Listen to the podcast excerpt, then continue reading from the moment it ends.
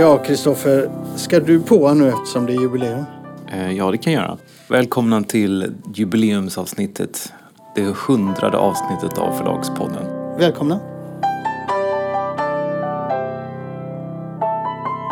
Ja, Kristoffer, avsnitt 100. Vad tänker du om det? Ja, nej men det är ju fantastiskt att det, det blivit hundra stycken. Sen vår, vår tanke var att det här jubileumsavsnittet skulle bli special på något sätt. Men det är inget special. Det är snarare tvärtom ett ganska mediokert vanligt mellanavsnitt. Nej, det kan vi inte ta med. Det får vi se när vi är klara. Nej. Det kan vi väl visst ta med. Men man kan inte ligga på topp top jämt. Och det är ju det som är själva grejen med en podd. Att eh, varje, om man följer en podd, det vet vi ju alla som följer poddar, att liksom, förhoppningsvis sägs det något klokt ibland. Men det är ju liksom själva liksom tugget som man gillar. Nej, men man är intresserad av ett ämne eller någonting sånt. Men det går ju inte att göra liksom, oslagbara program efter program efter program. Inte för att vi någonsin har gjort det, men avsnitt 100 är bara ännu ett avsnitt. Jo, men alltså vi hade ju tänkt eh, och vi pratade om man skulle göra lite intervjuer och prata med folk och så. Men den möjligheten har vi inte haft utan det får vi göra i ett senare läge när jag kan börja resa upp till Stockholm och så. Kommer du ihåg när vi gjorde vårt första program? Jag, jag tror vi spelade in det i London faktiskt. Ja, det gjorde vi. Jag var, jag, jag var full utav ambitioner och vi hade en teknik som jag tyckte var fantastisk. Och eh, jag hade ingen aning om vad man skulle göra. Ja. Jag klippte våra inslag på innan så vi fick väldigt, väldigt konstiga klipp. Ja, du klippte för mycket helt enkelt. Och det var, vi hade heller liksom ingen riktig idé om hur, hur... Vi hade inte hittat vår form, vi hade inte hittat vår ton och vi hade inte heller hittat vårt sätt att prata med varandra på. Så det blev ju, jag ska inte säga att det blev stylpigt, styl, stoltigt och stylpigt men det blev de blev ju sönderklippta och inte särskilt bra. Nej, eftersom vi utgick från eh, något helt annat än vad vi gör idag. Vi, Mm. vi, vi började prata om det vi skulle prata om innan så när vi satte oss ner var vi överens. Så det var ju liksom, vi höll föredrag för varandra. Om hur bra Ja, det var tänkte. jättedåligt. Men nu har vi ju lärt oss att vi inte ska prata med varandra innan vi spelar in om vad vi ska tala om förutom att vi kanske har ämnen sådär. Mm. Men det är nästan det viktigaste tror jag. Utav allting jag har lärt mig det är att inte prata om grejerna innan. Nej, men sen en annan sak som vi har lärt oss också det är ju att det blir bäst då när det, när det är spontant och när vi inte är förberedda men det blir också bäst när vi tillåter oss att kanske snubbla, säga fel, begå misstag. Att, man inte, att det är inte som eh, om vi läser eh, nyheterna på Ekot utan man, man har rätt att göra liksom fel. Det kan vara allt från uttalsfel till icke sammanhängande meningsbyggnader och så vidare. Att vi, vi var väldigt ambitiösa i början att det skulle liksom vara ett, ett flöde som var korrekt och bra men det blir ett bättre flöde om man bara låter, alltså vi, vi klipper ju väldigt lite nu. Mm. Det gör vi. Men ibland klipper jag bort dina ä. Eh, Mm. Och mina dåliga mina dåligt formulerade tankar klipper jag alltid bort. Eftersom jag klipper så har jag ju... Du menar dina hetska utspel och dina arga påhopp? De klipper jag alltid bort. De är bara Ibland med för att sätta igång det. Ibland slinker något igenom ändå. Mm, mm. Ja, nej, det är en jädra skillnad mot de här första gångerna. Mm. Både när det gäller sättet att klippa, sättet att prata och vilka ämnen vi tar upp. Men jag kommer ihåg att det var väldigt, väldigt roligt det första. Och det, vad är det? Är det fyra år sedan nu idag? Det måste nästan vara. Nej, så länge sedan kan det väl inte vara tre år sedan va? Jo, alltså vi är uppe i hundra och första två åren så Första året som vi började på våren så kanske vi gjorde 20 avsnitt. Andra året gjorde vi kanske 25. Eh, tredje året så gjorde vi ett avbrott på fyra fem månader. Och fjärde året nu. nu. Så att jo, nej, men det är nog fyra år. Jag trodde aldrig vi skulle hålla på så länge. Och jag har ännu inte funderat över om det här med när tar idéerna slut? När tar uppslagen slut? Nej. Det var tufft emellanåt men ibland har vi haft för mycket också. Ja, det går verkligen i vågor och det har ju hänt väldigt mycket. Alltså på de här fyra åren så har det hänt så otroligt mycket i bokbranschen och det har hänt väldigt mycket på Lind Company och det har hänt saker. Så det är ju verkligen, även om man upplever ibland att det, det går långsamt och det står stilla och att tiden är dryg så har, så har det ju faktiskt gått ganska fort. Ja, det har det gjort. Att hålla på med det här faktiskt. Jag pratade med någon när jag, när jag ringde runt häromdagen. Just det här, varför är, varför är man kvar i bokbranschen efter alla dessa år? Jag har ju andra intressen och, och framförallt har jag gillat grävande journalistik och sånt. Vad kommer folk fram till då? Ja, det, det, det, det jag fångar upp det är ju att det finns, eh, branschen är lite speciell. Den är liten, men folk verkar trivas överlag och det finns ett sätt förhållningssätt till det där. Jag vet, eh, jag kommer ihåg en av de högra cheferna på ett av de stora förlagen som vandrat lite mellan förlag och andra branscher och reagerade just på detta. Hur det var inom andra branscher med lite små fiffel och en kultur som var väldigt grinig och så. Det var mycket roligare i bokbranschen. Det fanns inte detta myglet, det fanns inte mutorna och allt det där.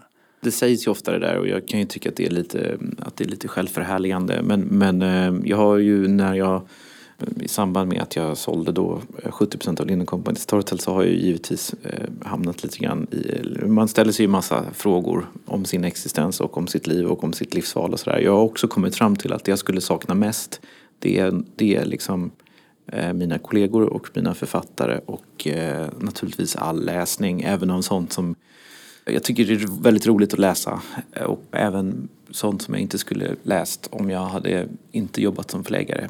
Mm. Har du fått några reaktioner sen vi pratade sist? Eller har fått några tankar om försäljningen? Nej, nej. Det känns bra allting. Vad mesig du är nu. Ingen, ja, nej, ingen men jag ångrar mig ju. Jag ångrar mig ju. Du gör det ja. Mm, nej, det får vi ta bort eftersom ironier inte går fram. Men nej, men det har inte hänt, det har inte hänt någonting. Det känns väldigt bra faktiskt. Okej. Okay. Det är inte så att ditt vara har förändrat ditt tänkande? Nej. Ditt nya vara? Inte ännu? Nej, nej, inte ännu. Kommer du göra det? Ja, du var ju inne på det där, men eh, man är ju alltid... Nej, jag tror inte det. Ja, det tror jag. Det ska bli intressant att följa upp i alla fall.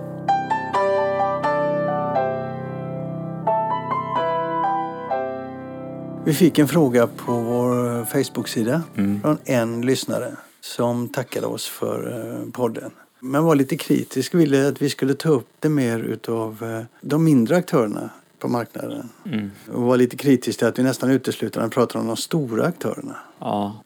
Du svarade på det inlägget, vad jag minns.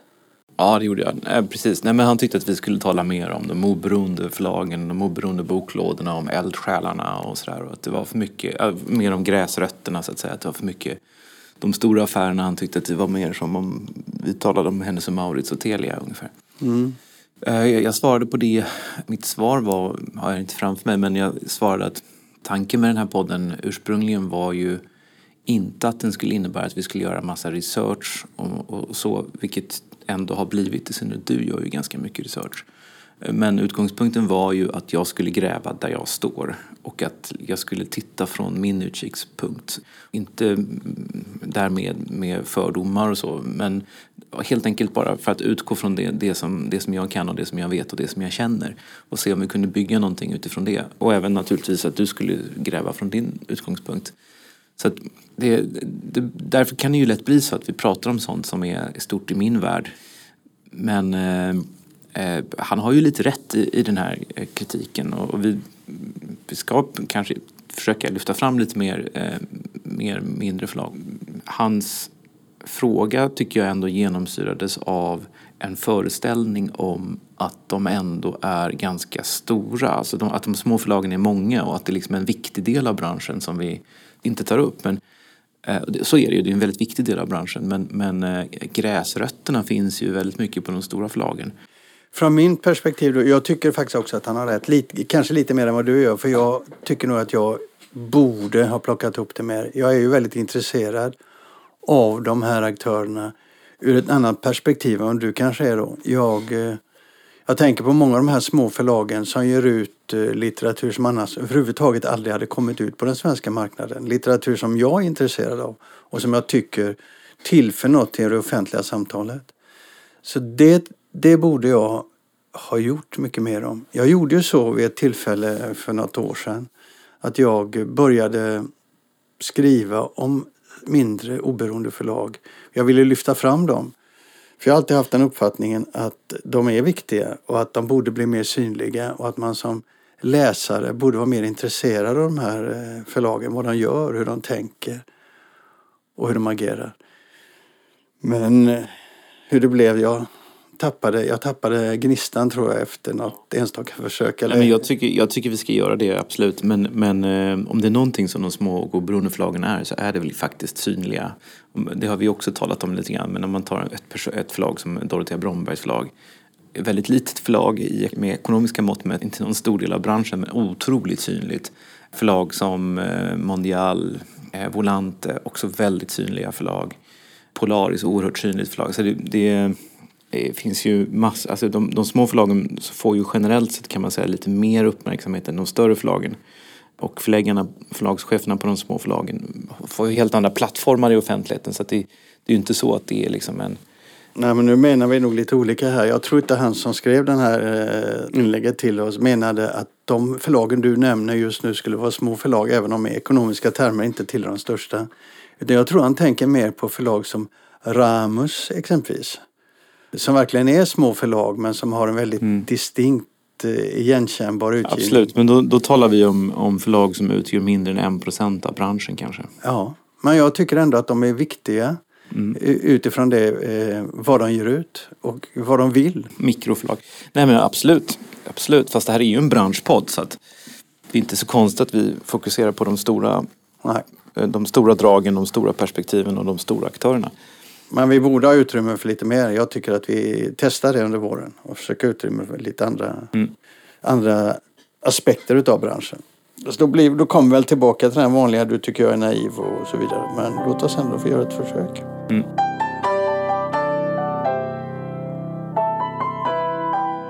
Det, det, var lite roligt nu inför det här, det här avsnittet. Så, så, så skickade du ett mail till mig.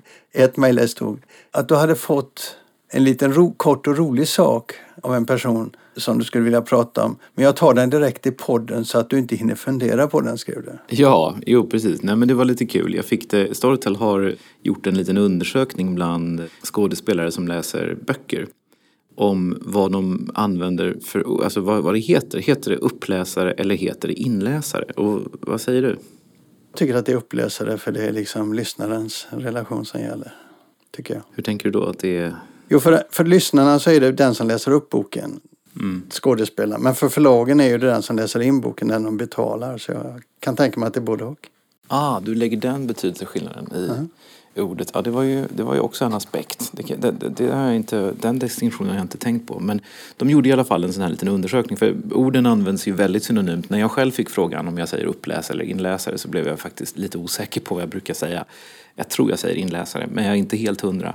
Och då hade de gjort en, en, en liten undersökning bland eh, ett tjugotal uppläsare eller inläsare. Vad de själva säger och vad de hade kommit fram till var att det var ganska jämnt. Men de, det, det lutade ändå åt att de som sa uppläsare hade någon slags teaterbakgrund. Väldigt liksom då, lite spekulativa. Analysen skulle vara att att uppläsare liksom mer kopplat till att man läser upp någonting, man gestaltar någonting, man dramatiserar någonting att uppläsning är någonting som är lite mer aktivt medan inläsning är lite mer passivt. Lite mer att man ja, liksom neutralt läser in. Mm -hmm. Där ser man, jag, tänkte, jag har överhuvudtaget inte tänkt, jag bara tänkt de termerna jag sa men, men det, mm. det, det, är ju logiskt att de tänker så. Ja, du gjorde en lite mer marxistisk analys utifrån ekonomiska faktorer. Du gjorde det ja. Nej, du gjorde det. Eller hur? Ja, ja, det var en kort liten grej. Ja, det var en kort grej. Mm.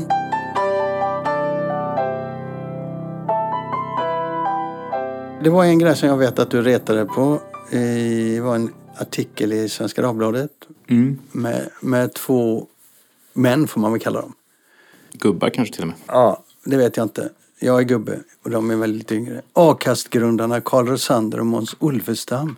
Mm. Som har byggt ett nytt företag som de kallar Sesame. Och de har ju haft kontakt med dig vad jag förstår. De har inte haft kontakt med mig vad jag förstår. Hä? Inte vad jag kommer ihåg i alla fall. Däremot så har de ju indirekt så har de eh, liksom avtal med oss via Elib. Okay. Och de, för de, de sa då att de har skrivit avtal med stort sett alla stora svenska förlag. Men, men det har i vårt fall skett indirekt. Och när vi kollade upp det så upptäckte vi också att de hade inte alla våra böcker. Men nu har vi ändrat inställningarna så att eh, de har tillgång till alla våra titlar.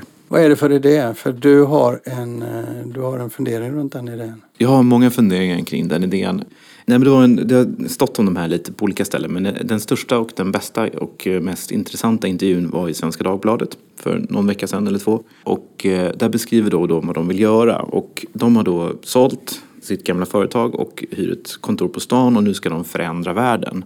Deras ambition är att de ska öppna upp internet. De ska riva alla betalväggar och alla prenumerationer och det ska ske globalt och det kommer gå snabbt och de kommer liksom, det här kommer bli en revolution. Och den, den stora grejen som de gjorde då med det här eh, poddföretaget Acast eller Acast, jag vet inte hur man säger. Det var att de tog fram någon slags system som kunde injicera annonser i realtid. Mm. De, de vill jobba på liknande sätt. Ett exempel kan ju vara då om, en, om du skickar mig en tidningsartikel från The Times som Mm. jag inte kan läsa för jag inte har, liksom, prenumererar inte, så skulle man då kunna med en sån teknik så skulle man liksom kunna, kunna låsa upp den här betalväggen och läsa den här annonsen. Och det där tycker jag just vad gäller exempelvis tidningsartiklar, det, det är liksom det förstår jag verkligen behovet av och där kan jag se att den här tekniken och den här idén verkligen skulle kunna tillföra någonting. Men de är alltså i första hand, så som det presenterats i den här artikeln, inriktade på streamingtjänsterna i allmänhet och Storytel i, i synnerhet. Vid lanseringen så är siktet inställt på Storytel. Och då så säger de så här, citat. Den nuvarande modellen är jättebra för Storytel och dess aktieägare. Men för kunderna, förutom de som lyssnar väldigt mycket, är det dåligt. Och de kallar det här för en slags buffémodell. Det vill säga att man, man betalar för en hel buffé trots att man bara kanske äter liksom några små rätter. Och resonerar då kring att idag så har liksom folk eh, 20 stycken betalningsabonnemang. De har Netflix, de har HBO, de har bla bla bla bla bla bla. Och Spotify och de använder kanske bara, de använder inte allt liksom. Och att man tecknar sig för de här abonnemangen för att man vill se någonting. Men så får man då, man vill, man vill göra à la carte men man får en buffé. Och de menar på att den här modellen håller på att spela ut sin roll. Och de har ganska gott självförtroende. För i slutet av intervjun så säger de så här, citat.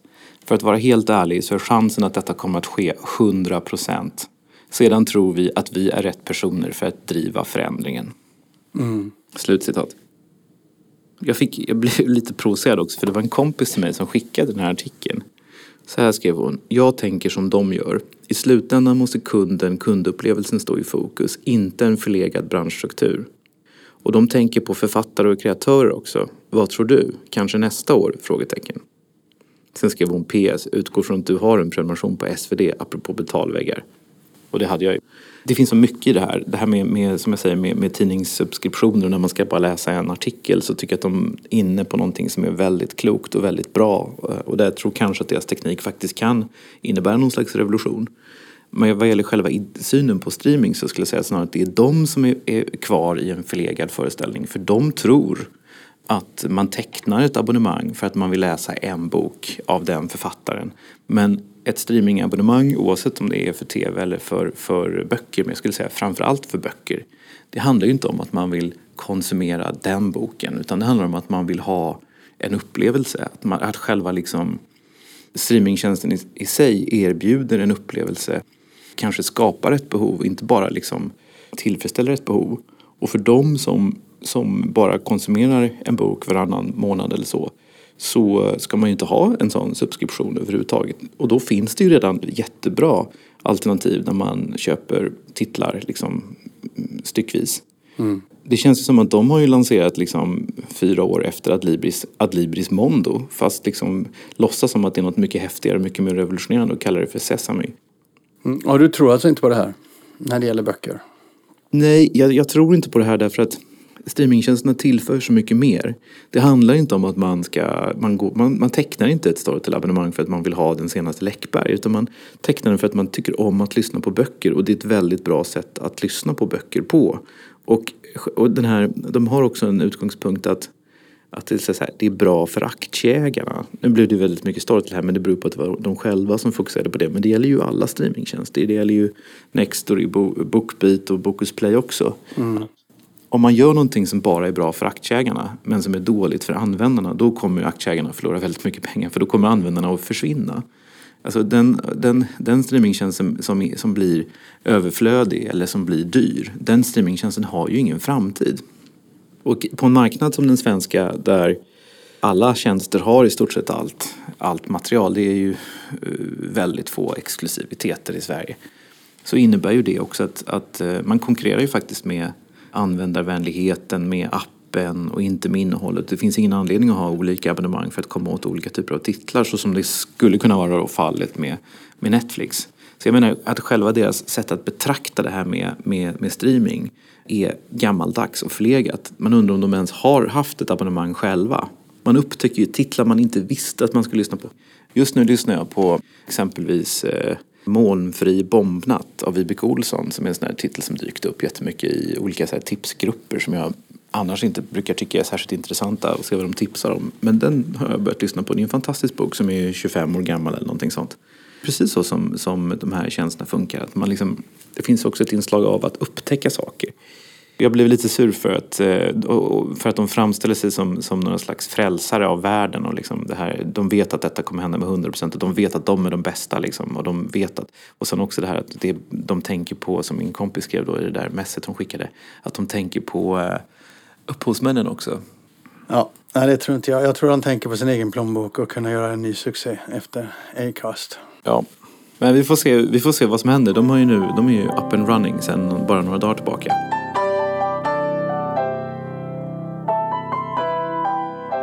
Förra våren så tänkte jag så här att jag står ut. Och det tänker jag nu också i och för sig. Men på något sätt så känns det liksom tjötigt nu. Mm. Jag vet inte, hur ser det ut på förlaget? Nej, men det är väl tjatigt här också. Folk är väldigt trötta på att jobba hemma. Alltså de vill till jobbet nu? Ja, det måste jag säga att så är det. Hur gör ni då? Hur ser det ut nu? Ja, men det är ju, vi, hos oss så är det så att de som vill komma in och jobba kommer in och jobbar men det är väldigt få som vill. Utan vi som är på kontoret, det är, det är vi som bor här precis i närheten och som kan promenera till jobbet. Och eh, det är ett ganska stort kontor och vi sitter i varsitt rum så att eh, vi ser knappt varandra. Alltså det är väldigt tom, kontoret är tomt. Men jag har förstått att det är många förlag, de flesta förlag, alla stora förlag, Bonnier, Norstedts och sådär, de har ju en väldigt tydlig policy om att man absolut inte ens får gå till jobbet även om man vill. Och, eh, att man bara liksom ska till kontoret om det är något särskilt. Jag hörde det var någon person på ett av de stora förlagen som mådde så dåligt över det här. Alltså han hade hyrt för egna pengar något litet kontor på stan. För han orkade inte sitta hemma. Men vi har en lite mer liksom, tillåtande och kompromisshållning. Men det beror ju på att vi är så få också och det är så få som, som faktiskt vill åka in. Sen har jag hört andra förlag som har, jag tror det var Piratförlaget, där vill också alla åka in. Så där har de någon slags Excel-dokument som de cirkulerar så att de inte ska vara fler än ett visst antal.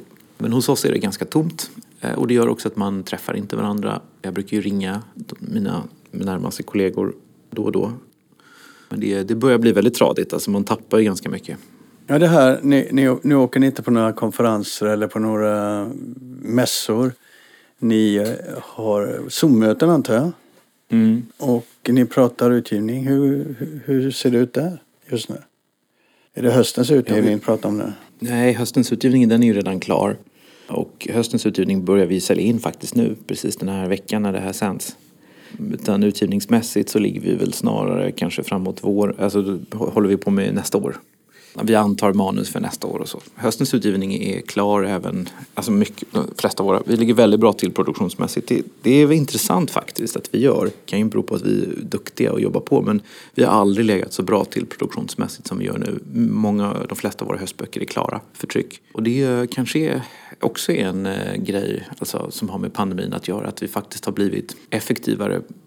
Jag tänkte säga det, inga kafferester står i vägen. Nej, vi kanske blivit mindre kreativa men mer effektiva. Men jag tror att även om det är så att vi har blivit mer effektiva på grund av pandemin att det också är en sån där, det håller en viss, till en viss nivå men sen så liksom blir det som du säger så tradigt så att man, man tappar den här effektiviteten. Men hur är det, har ni, eh, eh ger ni ut fler eller färre böcker i höst? i år. Mm. Totalt sett, pappersboksutgivningen har inte minskat men vi har dragit lite ner på det digitala.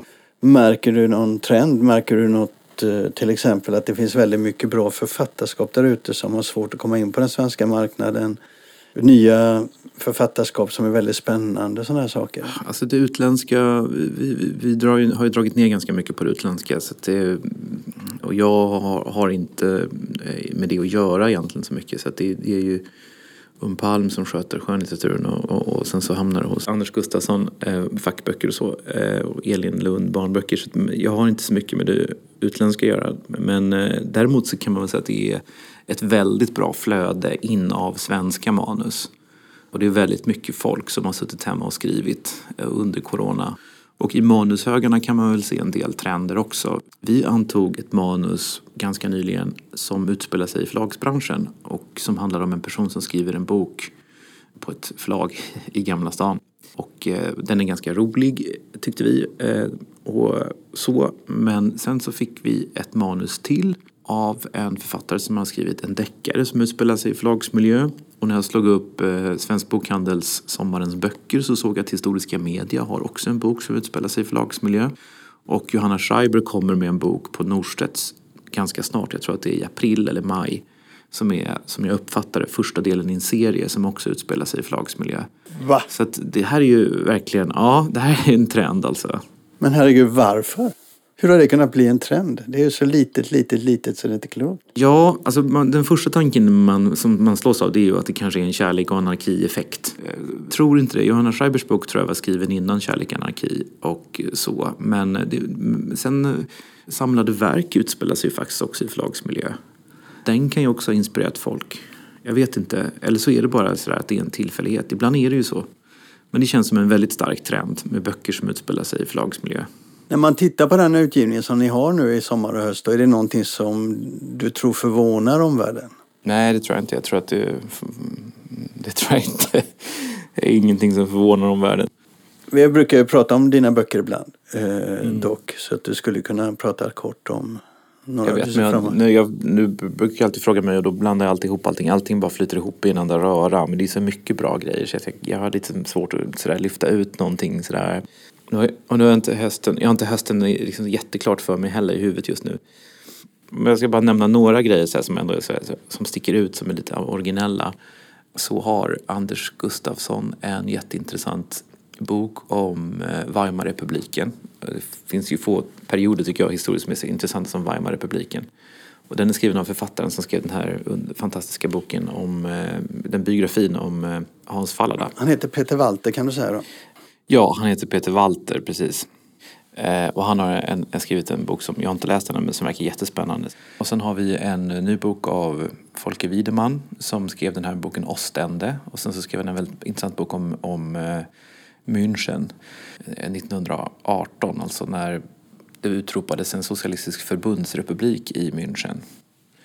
Och han har nu skrivit en bok som utspelar sig i Mexiko 1941 och som handlar om Anna Segers som var en sån där exil, tysk exilförfattare som sen blev jättestor i Tyskland eh, i DDR efter kriget. Nilsson förlag har precis givit ut en av hennes böcker i nyutgåva och en annan av hennes böcker i eh, nyöversättning tror jag. Okay. Det där är ju från eh, Anders Gustafssons utgivning, jättespännande böcker som jag längtar efter att läsa. Sen har vi, bara för att nämna, alltså det finns ju så mycket att nämna därför så blir det så, liksom, man bara lyfter fram någonting. Men något som är sådär lite udda, det är Mattias Boström. Han har fem titlar tror jag det är, på gång i en serie av Sofia Rutbeck Eriksson. Och eh, eh, de, det är alltså en, en, eh, ljudboksgrej, det är bara, kommer bara som ljudbok och e-bok. Och det är alltså en ny serie som serienamnet heter Katarinas eminenta detektivbyrå. Och de här böckerna är helt urflippade. Och bara omslagen är helt galna. De är så eh, fula och roliga. Eller hur man nu ska säga. Och jag har läst lite också och det, det är verkligen, ja det ska bli spännande att se hur det går. Det känns verkligen som något annorlunda. Sen har Tove Alstol kommit med en ny uppföljare till sin succé Rotvälta som är ju andra delen i den här Ådalstrilogin. Och jag kan fortsätta, det finns massor av grejer men nu har ju en ganska bra spännvidd bara på de där tre titlarna. Mm. Ja, nej, vi får nog stoppa det här reklaminslaget nu. Ja, det, det blir ju så. Det blir ja. så. Ja.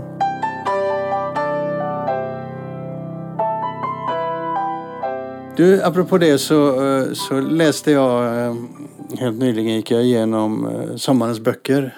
Svensk bokhandels sommarens böcker. Utgivningen under mm. våren, sommaren. Mm. Och jag blev otroligt deprimerad. Det är sällan jag reagerar så när jag läser den här mm, vårens böcker, sommarens böcker och höstens böcker. För jag brukar tycka det är roligt att se allting nytt som kommer. Men här fick jag en känsla när jag var kvar att dels att det var väldigt, väldigt lite spridning. Det var lite spännande böcker för mig då.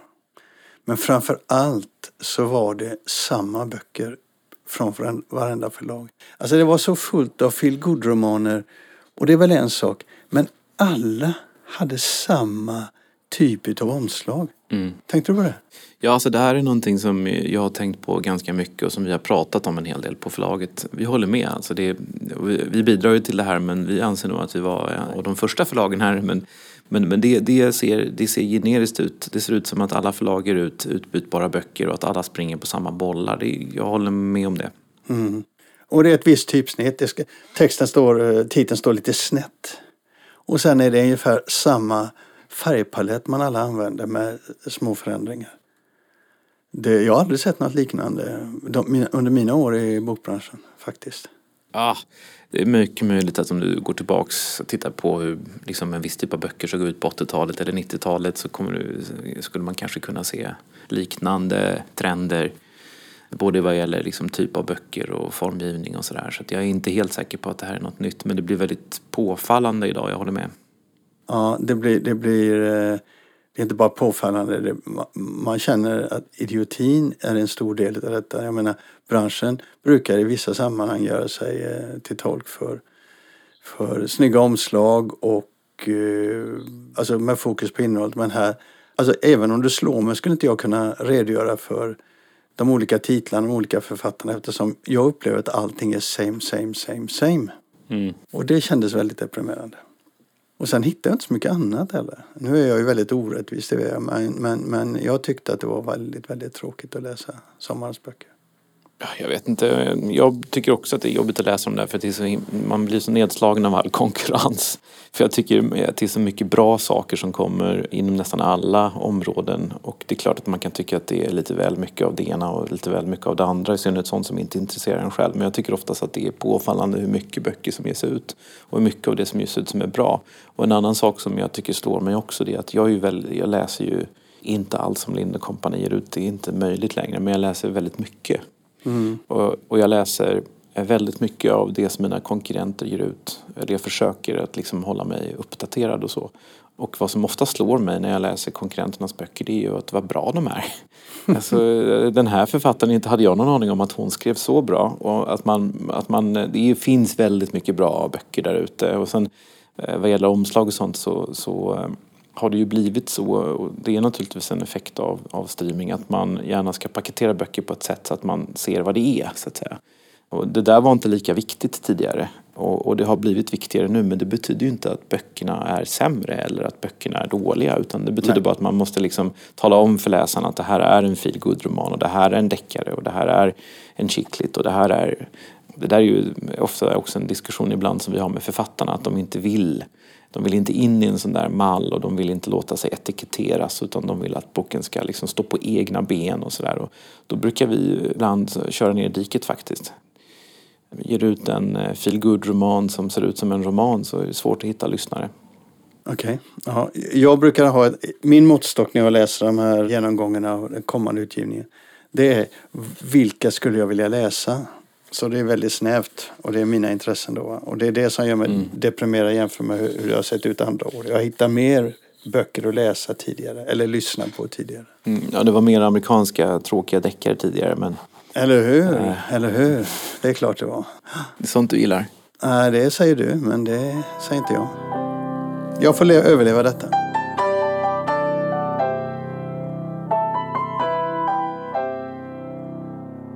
Ja, det var allt för den här gången. Så hörs vi om en vecka igen och då med avsnitt 101.